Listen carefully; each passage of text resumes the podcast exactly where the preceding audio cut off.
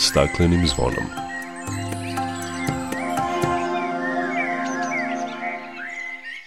Dobar dan, dobrodošli na Zeleni talas prvog programa radija Radio Televizije Vojvodine. Ja sam Dragana Ratković. U Privrednoj komori Srbije održana je javna rasprava o novim zakonima o obnovljivim izvorima energije i energetskoj efikasnosti. Čućete koje novine donose ovi zakoni. Svetski dan vlažnih područja obeležen je 2. februara pod motom Vlažno područje i vode. Govorit ćemo o značaju očuvanja vlažnih područja, o novoproglašenom ramsarskom području Đerdap, kao i o programu upravljanja vodnim režimom u specijalnom rezervatu prirode Okan Bara, koje je identifikovano za nominaciju na Ramsarsku listu. Biće reči i o najavi seče stare polojske šume kod Bačke Palanke, zbog čega su se pobunili lokalni aktivisti, a predstavit ćemo vam i novi e-eko list, besplatno elektronsko izdanje ekološkog magazina.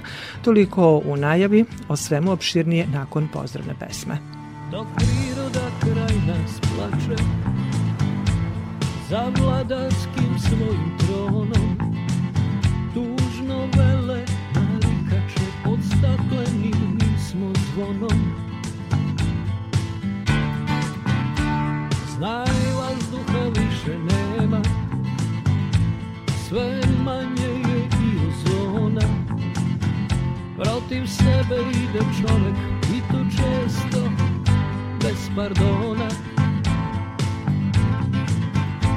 Uništenju živog sveta kao da su ljudi skloni.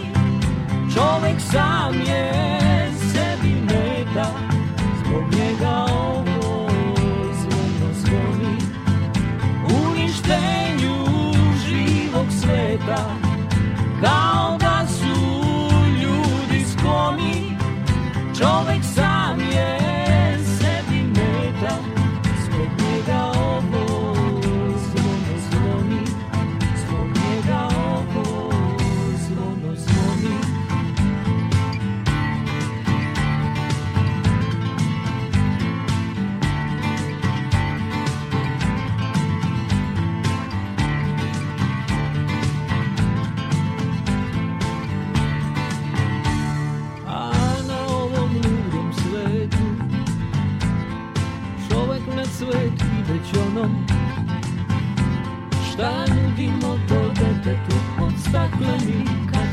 kad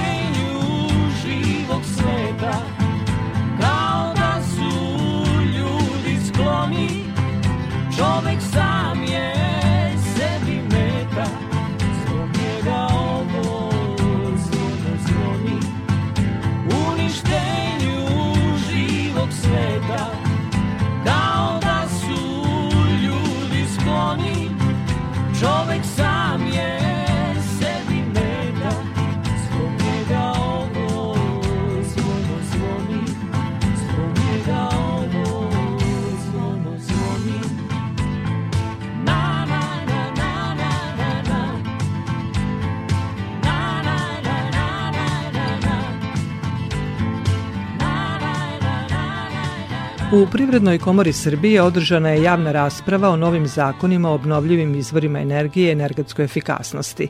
Ministarka rudarstva i energetike Zorana Mihajlović izjavila je da se ovi zakoni tiču svakog građanina naše zemlje i da Srbija danas, kako je upozorila, troši četiri puta više energije nego što je prosek Evropske unije, bacajući godišnju proizvodnju jedne termoelektrane, a sve to jer se nedovoljno bavimo energetskom efikasnošću. Cilj je da i privreda i građani mogu da proizvode energiju i plasiraju je u mrežu. Ovim zakonima želimo da za 10 godina budemo na nivou Evropske unije po energetskoj efikasnosti, a istovremeno da radimo na smanjenju potrošnje energije, rekla je ministarka. Ova dva zakona stvaraju uslove Dakle, da i domaćinstva i privreda mogu da koriste i proizvode električnu energiju iz obnovljivih izvora energije, da mogu da je plasiraju u mrežu, ali ova dva zakona omogućavaju isto tako čak i u kombinaciji da i tekako smanjimo potrošnju energije po jedinici proizvoda i da ne budemo negde stalno uvek na dnu bacajući praktično godišnju proizvodnju jedne termoelektrane samo zato što se nismo posvetili pojmu energetske efikasnosti i racionalne upotrebe energije. Proizvodimo oko 24% energije iz obnovljivih izvora energije. To je zajedno sa velikim hidroelektranama, ali i one negde utiču na životnu sredinu. Dakle, suštinski samo 4% proizvedene električne energije u Srbiji jeste iz biomase, solara, vetroparkova ili malih hidroelektrana. Mi hoćemo da do 2050. godine najmanje 50% naše proizvedene električne ili toplotne energije bude upravo iz obnovljivih izvora Ministarka Mihajlović je najavila i novine koje donose zakoni. Jedna od novina ovog zakona je da će potrošači moći da budu i proizvođači energije, a kao novi model podsticaja uvode se aukcije. Svako će moći da na svoju porodičnu kuću ili na svoju zgradu u kojoj živi 1, 5, 50 ljudi stavi solarne panele, da samim tim smanje troškove na svom računu za električnu energiju, da ukoliko, na primer, ne potroše ili ne mogu da potroše to što proizvedu iz e, solarnih panela, taj deo energije može da ode u mrežu i samim tim mogu takođe da imaju uštedu na svom računu. Znači, M su potrošači, M su proizvođači. M imaju, dakle, energiju iz obnovljivih izvora energije, znači zdravu, zelenu energiju, jer to je suština svega. M imaju niže troškove za to što su praktično instalirali solarne panele. Ali jedna velika novina biće i prvi put uspostavljanje aukcija. Dakle, mi sada imamo situaciju u obnovljivim izvorima energije da imamo feed-in tarife, dakle cene koje su povlašćene za one koji proizvode energiju iz obnovljivih izvora energije. Sada se prebacujemo nekako ka proizvođačima i hoćemo da napravimo konkurenciju između proizvođača. Ovim zakonom građani će biti u mogućnosti da zamene vrata, prozore i da poboljšaju izolaciju fasada. Prema rečima ministarke, trenutno postoji budžetski fond koji raspolaže sa 150 do 500 miliona dinara godišnje za opštine i njihove projekte, a novim zakonom biće omogućeno da se u to uključe i građani. Uprava u ministarstvu raspolagaće sa približno 15 miliona evra u prvoj godini, nakon čega će se taj budžet povećavati, jer će se u njega njega slivati novac međunarodnih partnera i donatora, objasnila je Zorana Mihajlović. Javna rasprava o novim zakonima o obnovljivim izvorima energije i energetskoj efikasnosti traje do 9. februara, a predstavnici nadležnog ministarstva su najavili da će podzakonski akti biti doneti veoma brzo u roku od 30 dana od usvajanja novih zakona.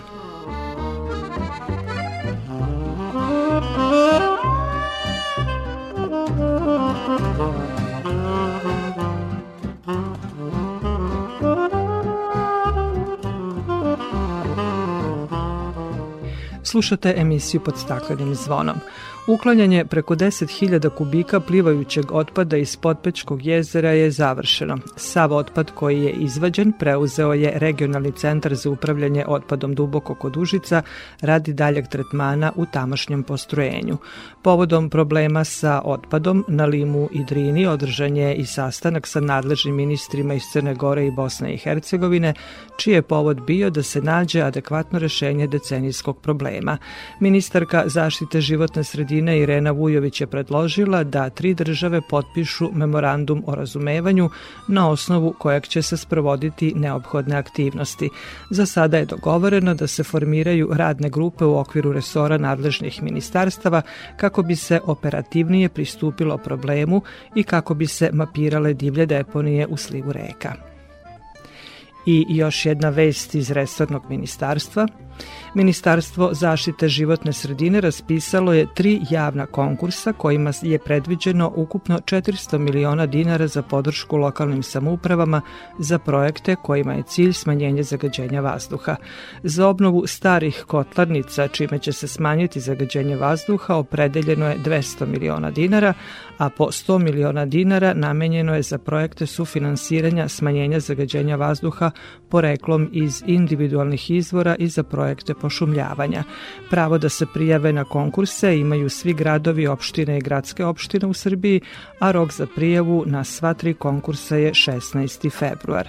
Više informacija i potrebna konkursna dokumentacija dostupni su na sajtu Ministarstva životne sredine i e-uprave.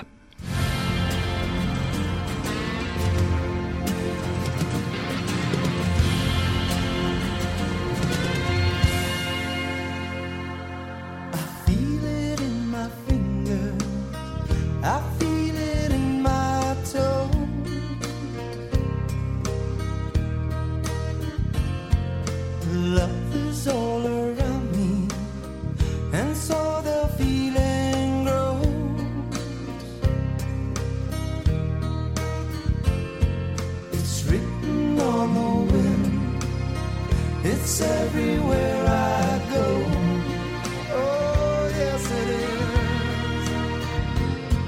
So if you really love me, come on and let me.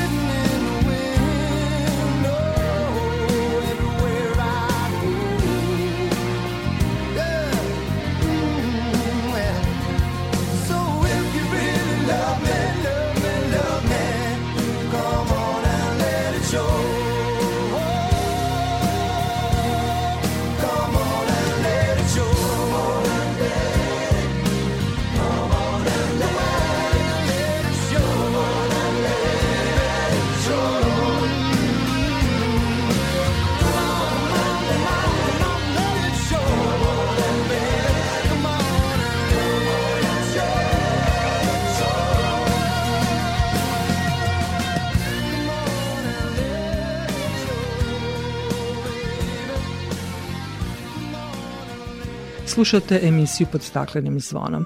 Tokom posljednjih 300 godina 87% svetskih oblasti pod močvarama je nestalo. Kako bi zaustavili dalje uništavanje 1971. godine u iranskom gradu Ramsaru 2. februara usvojena je istoimena konvencija kojom su se države obavezale na očuvanje močvara na svojim teritorijama. Iz tog razloga je za obeležavanje Svetskog dana vlažnih područja utvrđen 2. februar. Vlažna područja i voda je moto pod kojim je ove godine obeleženo 50 godina od usvajanja Ramsarske konvencije. Povodom 2. februara nadležne institucije i zainteresovane organizacije pokušavaju da podignu svest ljudi o važnosti često zanemarivanih prirodnih oaza. Ove godine zbog epidemiološke situacije i mera protiv virusa korona, Svetski dan vlažnih područja obeležen je radnim sastankom u Pokrajinskom zavodu za zaštitu prirode u Novom Sadu. To je bio i povod da razgovaram sa predstavnicima ove institucije o tom danu. Prema rečima Nikole Stojnića, zaštita vlažnih područja od izuzetne važnosti ne samo za očuvanje staništa vodenih ptica i biološke raznovrsnosti, već i drugih dobrobiti koje imamo od ovih područja i veoma je važno da stalno ukazujemo na to, posebno kada obeležavamo 50 godina od donošenja konvencije. Zaista je dobra prilika, pogotovo što je jedan ozbiljan jubilej, 50 godina i to o, dodatno podsjeća da je to prva inicijativa u zaštiti prirode u stvari bila inicijativa za zaštitu vodenih područja, vlažnih područja i dodatno da se ta inicijativa tada kada je i potpisana 71. striktno vezivala za ptice. I to na neki način nam svima govori da je u stvari to bio jedan od prvih problema koji se nije mogao rešavati lokalno i kojim je nemoguće upravljati na nivou jedne države. A sa druge strane i ptice vodenih područja su te koje stalno lete sa jedne vode na drugu, nemoguće je i njih ni upravljati ni čuvati na nivou jedne države. Tako da nije čudno da je baš Ramsarska konvencija prva međunarodna konvencija koja je to prepoznala na jedan svetski način i eto, zaista lepo da je već 50 godina u funkciji, da već 50 godina ova konvencija jeste neki nosilac ozbiljnih ideja u zaštiti prirode, ne samo vlažnih područja, nego i nekih mnogo širih zaštitarskih gledišta. Ova konvencija i uopšte ova inicijativa su e, prvi uveli izraze mudro korišćenje i prvi su na neki način ukazali na ono što se zovu ekosistemske usluge, što je danas jedan vrlo popularan termin, odnosno dobrobit čoveka od prirode, zaista je ta dobrobit prva prepoznata kroz Ramsarsku konvenciju, zaista taj značaj močvara je i tada tako jasno iskazivan i podvlačen i na sve druge načine istican.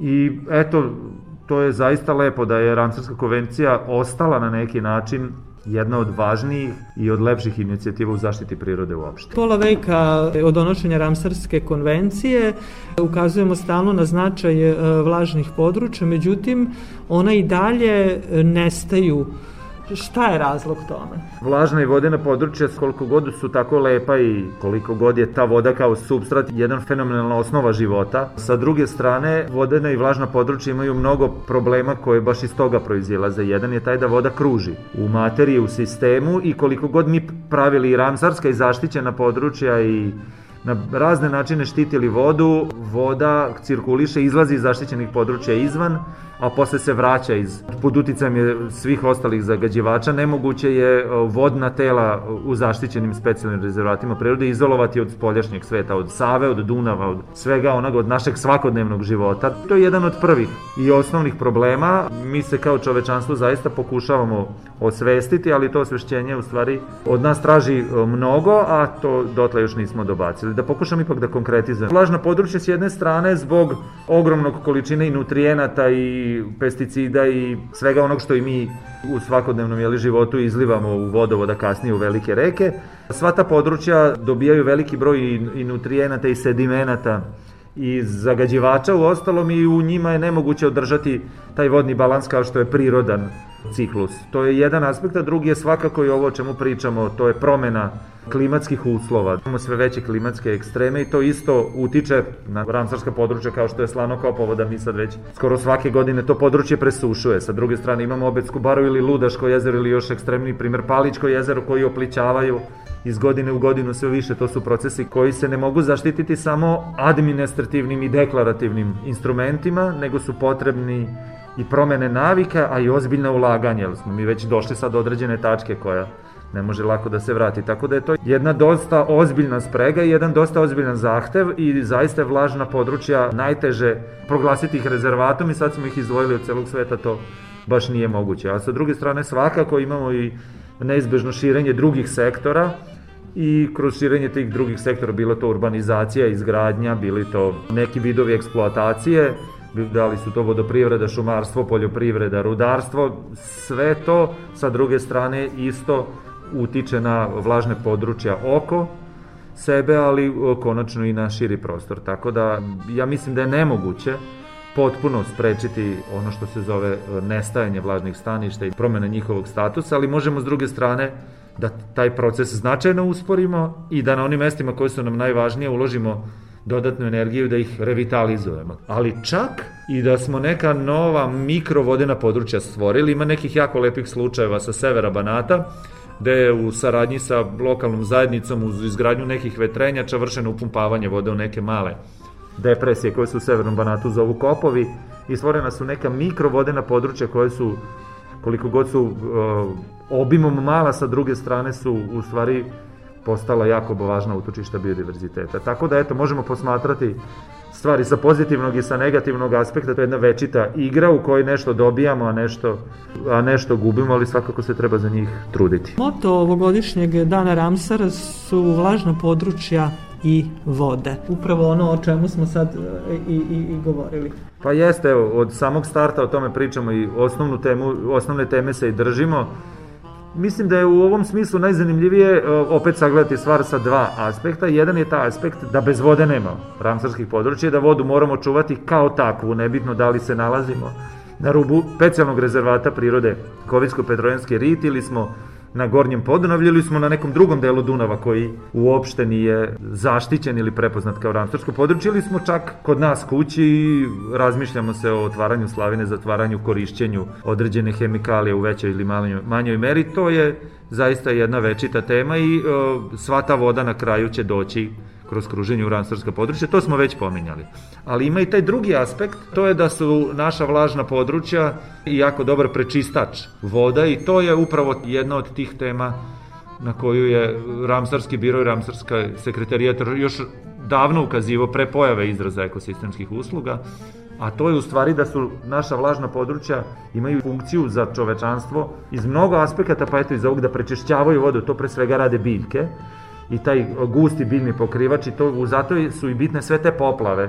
Koliko god ljudi kad čuju poplavu uglavnom se baš preterano ne obraduju, ali u ritskim područjima, u ritovima kao što je Koviljski rit ili kao što je Obetska bara, poplava je poželjna i potrebna u onoj razumnoj meri. Naravno, jer se voda izliva, prolazi kroz sve te rukavce, bare kroz svo to rastinje i plutajuće i podvodno i, i svu tu trsku na obalama i na neki način se veliki broj sedimenata prečišćava To je jedan jako bitan aspekt kada pričamo o vodi i o tome koliko, koliko su nam vlažna područja bitna za, za tu našu vodu koju sutra opet treba da koristimo, ali takođe su bitna ne samo u, u smislu kvaliteta, nego i vratimo se i na kvantitet, na količinu. Utvrđeno je u stvari da su ramsarska područja ili lidska područja jako važna i kao regulatori upravo gore pomenuti klimatskih ekstrema, poplavnih ekstrema i da nas u velikoj meri spašava od poplava to što i dalje imamo ta ridska područja u kojoj se milioni, milioni kubika vode izlivaju. I ne samo da se izlije, nije to fizička rupa i nije to iskupan bazen, To je ogromna količina opet gore pomenutih biljaka koji vrše transpiraciju, koji u stvari ogromnu količinu te vode i svojim sistemima specifičnim biljnim izbacuju u vidu vodene pare, tako da je to jedan fenomenalan način upravljanja vodama je imati ta ridska poplavna područja. Njih sa druge strane uvek neki drugi vidovi korišćenja zemljišta žele da okupiraju, ali oni su nam zaista višestruko važni i na neki način univerzalno, svima su nam ravnopravno važni, zato su ti ritovi bitni za vodu kao i voda za ritove. Od ukupno 11 ramsarskih područja kod nas, 8 je u Vojvodini. Sad smo spomenuli njihov e, značaj, koliko je to značajno za biodiverzitet i zaštitu prirode. Lepo da smo se vratili na ovaj naš inicijalni motiv i zato za nas su sva ta ramsarska područja, iako smo pomenuli svu tu generalnu i opštu dobrobit, za nas zaštitare prirode ipak su ramsarska područja najvažnija kao staništa redkih, ugroženih i zaštićenih biljnih i životinskih vrsta i svih ovih osam područja koje su u Vojvodini, ali i ova ovaj, druga tri koje se nalaze u središnjoj Srbiji, jer smo više manje zajedno radili na svima njima, su zaista fenomenalni prostori na kojima je važni za učuvanje vrlo specifičnog biodiverziteta i opet ono što je lepo kada ovaj se pogleda ta naša lista od 11 ramsarskih područja, svako od tih područja je jedna potpuno drugačija priča za sebe. Ne da nema dva ista, što i bi bilo i nemoguće, nego nema čak ni dva nešto posebno slična područja. Svako zaista je specifično i po režimu vode i po tome da li je uz Dunav tekuće izolovano, neizolovano, da li je kao što je Peštarsko polje visokoplaninska tresava ili je na primjer Dunavsko područje uz Deliblatsku peščaru kao što je Labudovo okno, svako je zaista potpuno specifično, čak eto imamo i Slanokopovo koje ima i slanu vodu, ali i, i samim tim je i specifičan taj biodiverzitet koji je vezan za ta područja i ono što se možemo pohvaliti, eto koliko god na nekim drugim mestima uočavamo gubitak vlažnih područja ili gubitak biodiverziteta, zaista u zaštićenim područjima i rastarskim područjima jako lepo možemo da vidimo kako te redke biljne i životinske vrste opstaju, održavaju taj svoj broj, u nekim slučajevima, neki se, nekim vrstama se čak brojnosti povećava, to je zaista lepo vidjeti da su stvari ta suštinski bitna područja na neki način perjanica očuvanja i da u njima možemo primeniti mehanizme ne samo administrativnog i deklarativnog čuvanja prirode, nego i primjenjivati ozbiljne praktične mere vraćanja nekih vodotokova, rada sa lokalnim stanovništvom, korišćenja koji može da iskoristi to dobro, a jedna od aktivnosti koja je paralelno teče i završava se neposredno pred samu proslavu, ceo januar mesec i ove godine kao i go, mnogim godinama do sada bio je posvećen to međunarodnom popisu vodenih ptica, taj čitav popis vodi Društvo za zaštitu i proučavanje ptica Srbije, ali i mi kao zavodi vrlo aktivno učestvujemo u tome. I to je jedna lepa sprega, iako je operativna. Mi koji volimo ptice i uživamo u njima, mi možemo stalno da idemo i da ih gledamo i da ih brojimo i da ih proučavamo, ali ovo nije samo to, nije nauka ni istraživanje samo radi sebe, nego se spram statusa i rasporeda vodenih ptica, jer se to radi sinhrono u celoj Evropi, jako dobro mogu videti i stanje vodenih područja, i tekućih i stajećih voda, i ramsarskih područja i svih drugih, a i stanje samih tih populacija koje od njih zahtevaju neke ozbiljnije mere zaštite koje možda treba da se ukinu, da ne više ne budu lovne vrste i tako dalje i tako dalje. Tako da eto imamo jedan jako lep biodiverzitetski aspekt cele te priče, to je taj popis vodenih ptica koji je završen i koji daje ključne rezultate i za sprovođenje dalje i same Ramsarske konvencije. Ramsarska konvencija neposredno preuzima sve te podatke.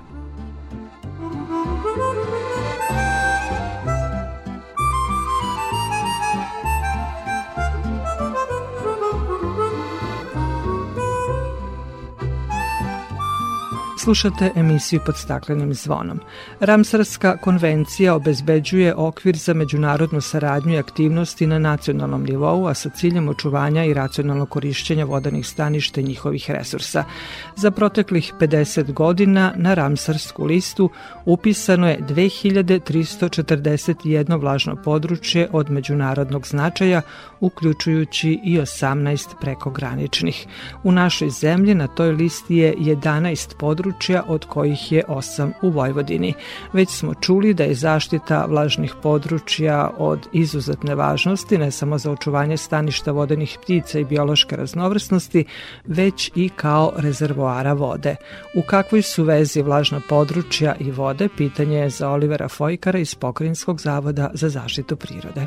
Lepo ste rekli, 11 ramsarskih područja u Srbiji, s tim što je nova činjenica da je do nedavno bilo 10 ramsarskih područja.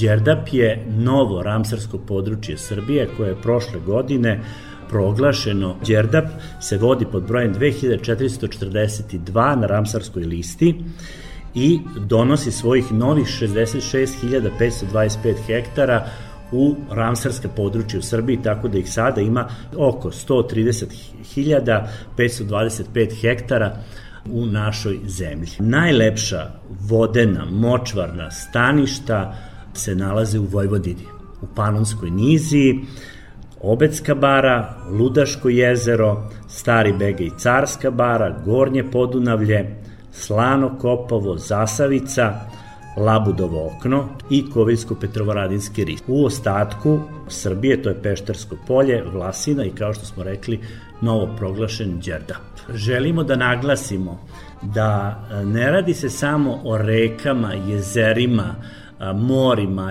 nego se radi i o nekim prolaznim vodama, radi se i o ritovima, radi se o močvarama, radi se o plavljenim površinama, radi se o nekim šumama mangrove. Kod nas to su dunavci, to su rečni delovi koji nisu možda stalni.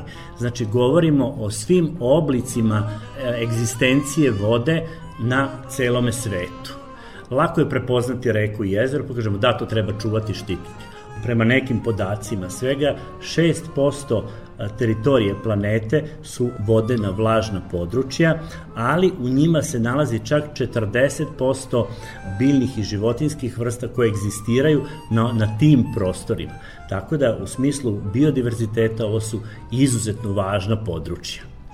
Ove godine moto nosi naziv Vlažna područje i voda i govori se koliko su ova područja u stvari bitna kao izvor vode i postojanja vode na našoj planeti. Mi u Srbiji to ovih dana vrlo dobro možemo da vidimo jer se bije bitka oko Makiškog polja iznad Beograda, to je jedno močvarno područje za koje su eto, neki investitori hteli da prave neke zgrade, da ulažu novce i onda su se javili ljudi koji se bave vodama, koji se bave biodiverzitetom i upravo sugerisali čekajte ljudi pa nećemo voda da pravimo neke građevine na, na onim prostorima, na onim močvarnim prostorima od kojih Beograd zavisi što se tiče pijaće vode. I upravo je to poruka obeležavanja ovogodišnjeg dana Ramsara. Vlažna područja su jako bitna za vodu, za pijaću vodu, ne samo za biodiverzitet,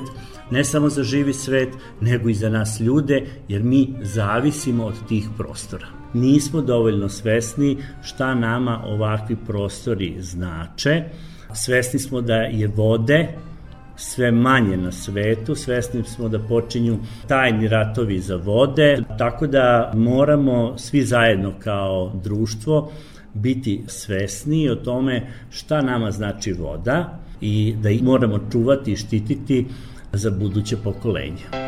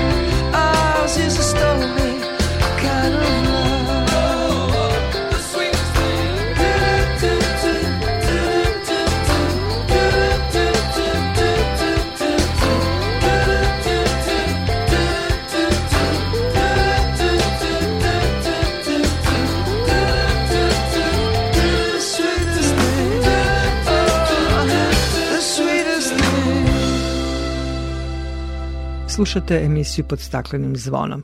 Republički zavod za zaštitu prirode utvrdio je preliminarnu listu od 68 potencijalnih ramsarskih područja kod nas. Rad na proglašenju i ostalih 57 područja koja su ocenjena da ispunjavaju kriterijume za upis na ovu listu biće nastavljen.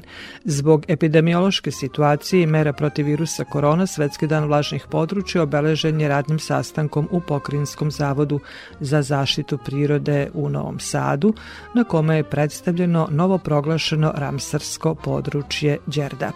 Sekretarijat Ramsarske konvencije o vlažnim područjima usvojio je sredinom decembra nominaciju Đerdapa za upis na listu međunarodno značajnih vlažnih staništa.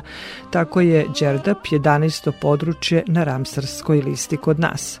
Nominacione studije uradio je Zavod za zaštitu prirode Srbije, a u njihovoj izradi učestvovao je i moj sagovornik Rastko Ajtić, koji je na telefonskoj liniji. Rastko, dobar dan i dobrodošli na Zeleni talas Radio Novog Sada.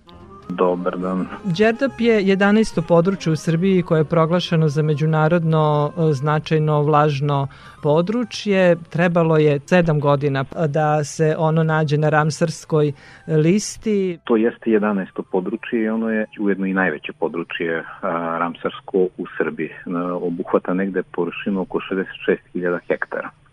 Inicijativa jeste krenula 2013. godine, ali onda splet okolnosti od ekonomske situacije, od raspoloživih eksperata, vremena, znači sve to, da kažem, tako malo zahtevao taj duži vremenski period i naravno sama površina koja je morala da se pređe, da se obradi, da se na neki način valorizuje, ipak jeste bilo potrebno toliko godina. Onda kad se sve to da kažem, odradi i terenski, i istraživački, kad se prikupi i sva literaturna građa, onda se to šalje tom Ramsarskom sekretarijatu, pa onda ide, da kažem, ono fino uklapanje svih tih rezultata, znači šta jeste, šta nije, pošto imate tamo čitav niz kriterijuma. Postoje neki osnovni kriterijumi koji moraju da budu zadovoljeni. Je sad ako se vratimo na sam početak Teranserske konvencije koja je iz 1971. godine, radi se zapravo o proglašenju močvarnih staništa koja su značajna za te neke ptice vezane za te tipove staništa. Međutim, to je, da kažem, posljednjih nekoliko decenija već poprimilo onako sasvim drugačiji neki tok, znači pa se shvatilo da ta vlažna staništa i nisu samo bitna toliko za ptice, ovaj koliko i za ukupnu floru i faunu svih tih ekosistema koji zauzimaju, da kažem, te prostore, tako da je i pristup, znači sasvim drugačiji. Poslednjih decenija ne rade se samo ptice, radi se, postoji taj multidisciplinarni pristup, rade se i vodozenci, nizaci, i sisari, i ptice, i flora, znači i fauna beskičnjaka, tako da je to poprilično kompleksan posao i kompleksna procedura. Koje odlike Đerdapa su preporučile to prirodno područje da se ono nađe na Ramsarskoj listi? Tu je pre svega bila presudno prisustvo tih nekih e, vrsta ptica koje u određenom periodu godine borave tu i tu ih ima negde između 100 i 150 hiljada na tom zimovanju ili u preletu kad idu znači, na tu neku svoju seobu. Znači to je jedan od kriterijuma. Zatim jedan od kriterijuma koji je takođe bitan je i prisustvo tih nekih ljudskih naselja a pre svega naselja koja u neku ruku žive u skladu s prirodom sa tim nekim održivim principima, tako da je znači i to, da kažem, jedan od uslova. Zatim e, fauna riba koja je prisutna u, kako u Dunavu, tako i pritokama Dunava, znači zato što su sve te pritoke Dunava koje su u stvari ta da kažem blagomočvarna ili plavna područja bitna za mrest određenih grupa riba, tako da znači to je sve ukupno da kažem doprinelo tome da se Đerdap proglasi. Ramsarsko područje Đerdapa, rekli ste da je preko 66.000 hektara. Šta obuhvata to područje? Obuhvata kompletan nacionalni park Đerdap, znači prati granice nacionalnog parka, s tim što je na krajnjem istoku pridodata jedna, da kažem, oblast koja se zove Mala Vrbica.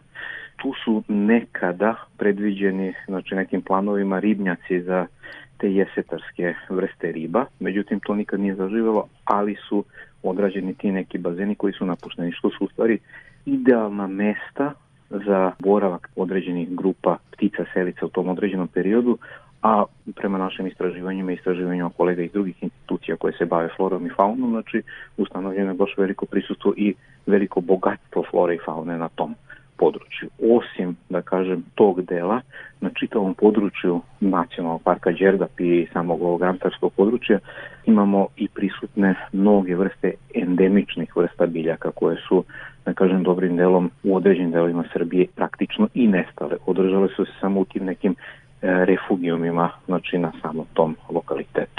Rekli ste da je Ramsarsko područje Đerdapa šire od nacionalnog parka, dakle Đerdap je i nacionalni park i geopark i sada Tako je. Ramsarsko područje. Šta će to značiti za zaštitu ovog područja? Pa to će znači, biti malo možda komplikovanije s aspekta zaštite, zato što će morati da se obrati malo više pažnje na mnogo aspekata.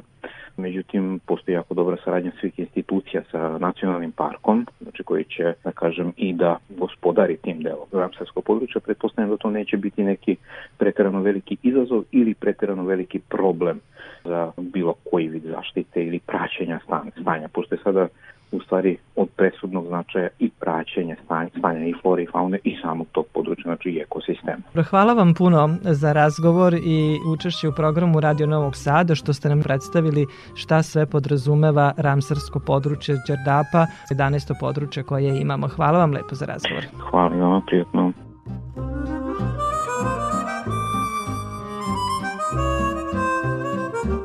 Pored novoproglašenog ramsarskog područja Đerdap, povodom dana vlažnih područja u Pokrinjskom zavodu za zaštitu prirode, Vesna Kicošev predstavila je i program upravljanja vodnim režimima u specijalnom rezervatu prirode Okanj Bara, koje je i identifikovano za nominaciju na Ramsarsku listu. Za ramsarska područja kao značajna vlažna područja od izuzetne važnosti je uspostavljanje odgovarajućeg vodnog režima, što je za vodoprivredna preduzeća veliki izazov, posebno na prostorima gde imamo veći broj korisnika kao što je prostor specijalnog rezervata prirode Okanj Bara. Nadležna vodoprivredna preduzeća na ovom prostoru su vodoprivredno privredno društvo Srednji Banat iz Renjanina i vodoprivredno privredno društvo Gornji Banat iz Kikinde, sa kojima mi imamo zaista jako dobru saradnju. Međutim, kada imamo ovako izazovan zadatak, kao što je e, na prostoru specijalnog rezervata prirode Okanj Bara, gde imamo mozaik predela i gde se bukvalno praktično svakom metru prepliću i stočarstvo odnosno pašnjaci i oranice i to izgleda onako kao zaista veliki mozaik usitnjenih površina, onda u tom slučaju nimalo nije lako uspostaviti odgovarajući vodni režim koji će odgovarati znači i potrebama zaštite prirode i potrebama e, stočarstva i potrebama ratarstva i potrebama ostalih korisnika. Najznačajniji stanišni tip na ovom prostoru e, su panonske slane stepi, slane močvare, koje su prioritetne za zaštitu zemljama Evropske unije prema direktivi o staništima. Vodni režim koji je neophodan za zaštitu i očuvanje ovih staništa odgovara skoro u potpunosti vodnom režimu koji je neophodan za obavljanje delatnosti stočarstva na ovom prostoru. Međutim, kada je u pitanju ratarstvo i kada je u pitanju odbrana od unutrašnjih voda za naselja, vodni režim koji bi bio idealan za zaštitu prirode i za stočarstvo ne odgovara u potpunosti delatnosti ratarstva i odbrani naselja od poplava i u tom smislu upravljač zaštićenog područja Društvo za zaštitu životne sredine Okanje iz Elemira svestan ovog problema i svestan ovog velikog izazova odvojio je izvesnu sumu novca tokom 2020 i 2021. godine i u zavisnosti od mogućnosti, znači za nastavak projekta, možda i za naredni period, za uspostavljanje odgovarajućeg vodnog režima na ovom području u saradnji sa nadležnim vodoprivrednim preduzećima. Praktično za potrebe ratarstva i za potrebe odbrane naselja od unutrašnjih voda i oranica e, neophodno je odvodnjavati prostor, međutim za zaštitu prirode i za zaštitu ovih staništa i za potrebe stočarstva neophodno u određenim periodima godine zadržati vodu na određenim delovima prostora, odnosno u depresijama u kojima se stoka poji vodom i koje su značajne za očuvanje ovih stanišnih tipova. Realizacija ovog projekta krenula je prošle godine kada je izvršeno detaljno snimanje kanalske mreže a tokom ove godine izvršit će se i snimanje ostalog terena pod zaštitom, tako da ćemo na kraju dobiti jednu kartu trodimenzionalnu na osnovu koje možemo dalje da vidimo šta i kako je moguće odraditi vezano za vodni režim.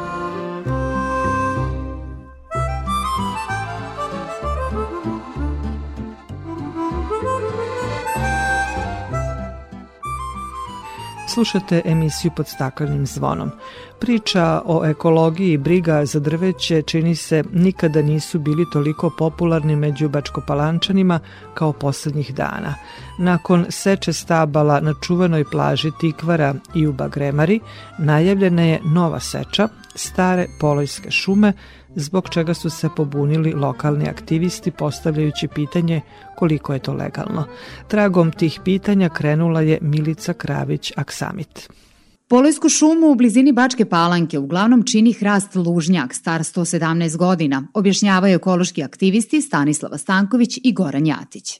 Kod nas e, na ravnici jedan od poslednjih preostalih očuvanih fragmenata starih nizijskih e, hrastovih šuma u Južnoj Bačkoj i za nas građane ova šuma i takako ima veliku i ekološku i sociološku i estetsku vrednost. Ja bih hteo da kažem da je Srbija među 100 zemalja koje su pred Ujedinjenim nacijama potpisale da će u svom ustavu obazvediti svojim građanima da imaju čist vazduh i čistu životnu sredinu. U isto vreme Ujedinjene nacije su prošle godine apelovale svim članicama da se podhitno prekine seča svih starih šuma zbog uloge koje imaju u borbi protiv zagađenja i klimatskih promena. Lakše bi bilo staviti par tabli da se ljudi upozore na potencijalnu opasnost nego da se ova šuma potpuno poseče. Objašnjenje za najavljenu seču Polojske šume nudi Marko Marinković iz nadležnog preduzeća Vojvodina šume. Što se tiče ekološke opravdanosti seča, o tome se mnogo govori, mislim da javnost ima pogrešnu percepciju, dakle održiva šumarska proizvodnja je ekološki opravdana i to je ono što je važno da ljudi shvate. Ja ću vam samo primjera radi reći da se godično obnavlja svega oko 2,7%, manje od 3% ukupnog šumskog fonda. U Vojvodina šumama kažu da će Polojska šuma za nekoliko godina sama da se uruši jer su počeli procesi sušenja i da je zato važno da se poseče pre nego što se skroz razgradi. Međutim, aktivistkinja smatra da je upravo taj period dragocen za očuvanje biodiverziteta jer je Polojska šuma stanište mnogih zaštićenih vrsta ptica i insekata. Onog e, momenta kada dakle drvo počinje da gubi na vrednosti sa tog komercijalno-ekonomskog aspekta, počinje sve više da dobija na raznovrsnosti živog sveta koji se tu javlja.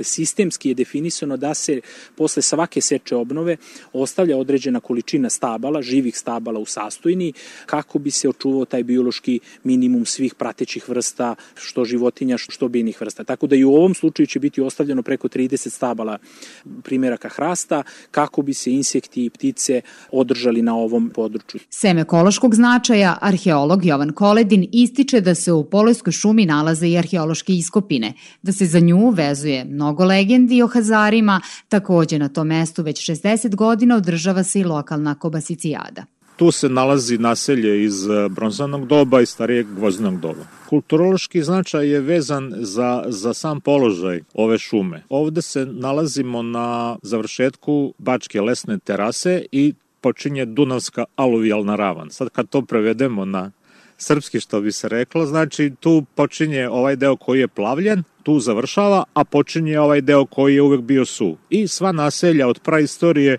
do danas se nalaze na tom suvom delu. Iako aktivisti napominju da će lokalno stanovništvo izgubiti mnogo sečom stare hrastove polojske šume, u Vojvodina šumama uveravaju da će sečom koja je planirana ovog meseca, a potom sadnjom mladog hrasta i redovnom brigom uspeti da sačuvaju tu zaštićenu vrstu.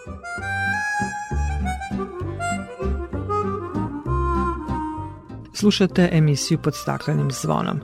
Pre nekoliko dana izašao je novi broj e-eko lista, besplatno elektronsko izdanje magazina o ekologiji i zaštiti životne sredine.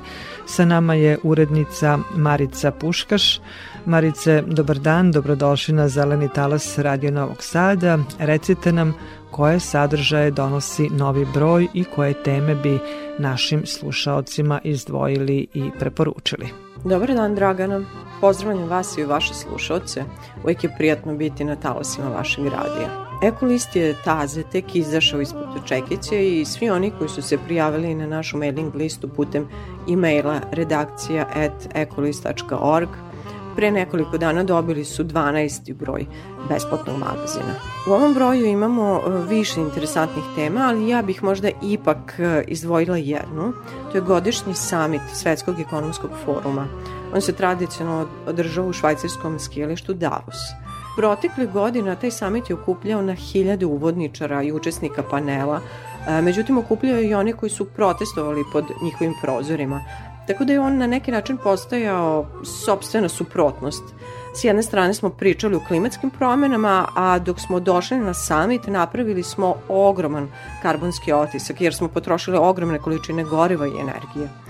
Učesnici ovogodišnjeg 51. samita, nazvanog Agenda, prvi put su uh, koristili minimum energije i može se reći da su prvi put činili, činili upravo ono što su govorili svih prethodnih godina – Sastanci su održavani na online platformama, što znači da učesnici radnih grupa i panelisti nisu putovali, sedeli su kod kuće i koristeći svoju energiju, svoju, svoje mašine, laptope, računare, telefone, govorili su sa ljudima na drugom kraju sveta, što je sjajna vest. Druga važna stvar je obraćanje Johna Kerrya.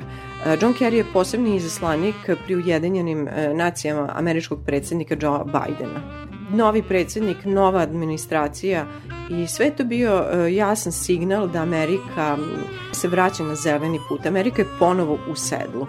Možda ne sa tako jake pozicije, ali ipak odlučno Amerika se vraća na zeleni put, a podsjetit ću vas da je tokom administracije Donalda Trumpa Amerika dosta skrenula sa tog puta.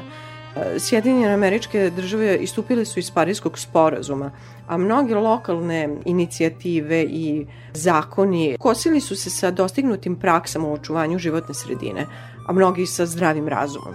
Nakon ovog Kerryvog obraćanja postaje jasno da se ova mala indiskrecija Donalda Trumpa sa fosilnim gorivima ipak, e, ipak će to ostati samo masna, da ne kažem naftna mrlja u nastojanju ove države da bude lider u privredi, ali i u borbi protiv klimatskih promena. E, takođe imamo uh, jedan interesantan tekst o novim regulativama Evropske unije o kvalitetu vode namenjene za ljudsku potrošnju.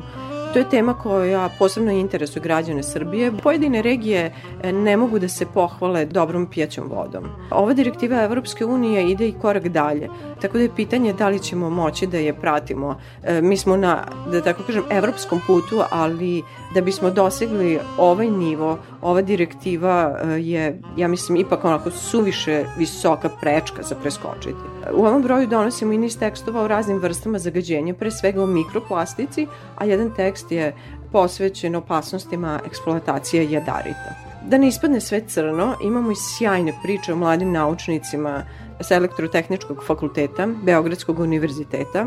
E, ostvarili su izvanredne rezultate na prestižnom takmičenju u inovacijama. Tu je i, i jedan ohrabrujući signal iz Evropske unije gde su obnovljivi izvori prvi put preuzeli primat u proizvodnji struje. Na kraju iz pera magistra Nikole Stojnića, ornitologa i načelnika Odeljenja za zaštićene vrste u Pokrajinskom zavodu za zaštitu prirode, dolazi sjajna priča o povratku orla krstaša. Zahvaljujem se Marici Puškaš, urednici e-ekolista, što nam je predstavila novo izdanje ovog besplatnog ekološkog magazina.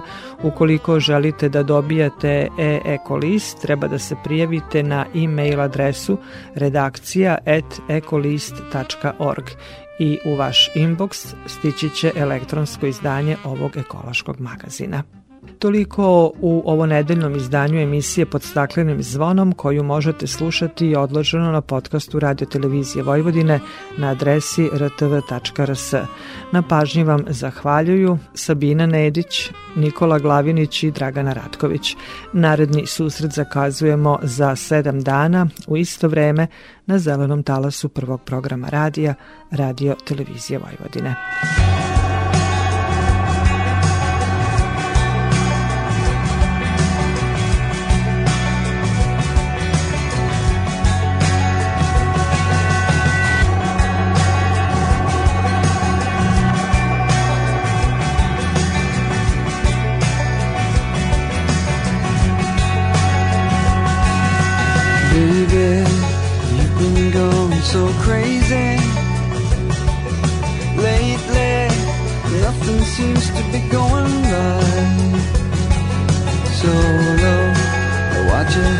To so low? You're so, you've been waiting in the sun too long. But if you sing, sing,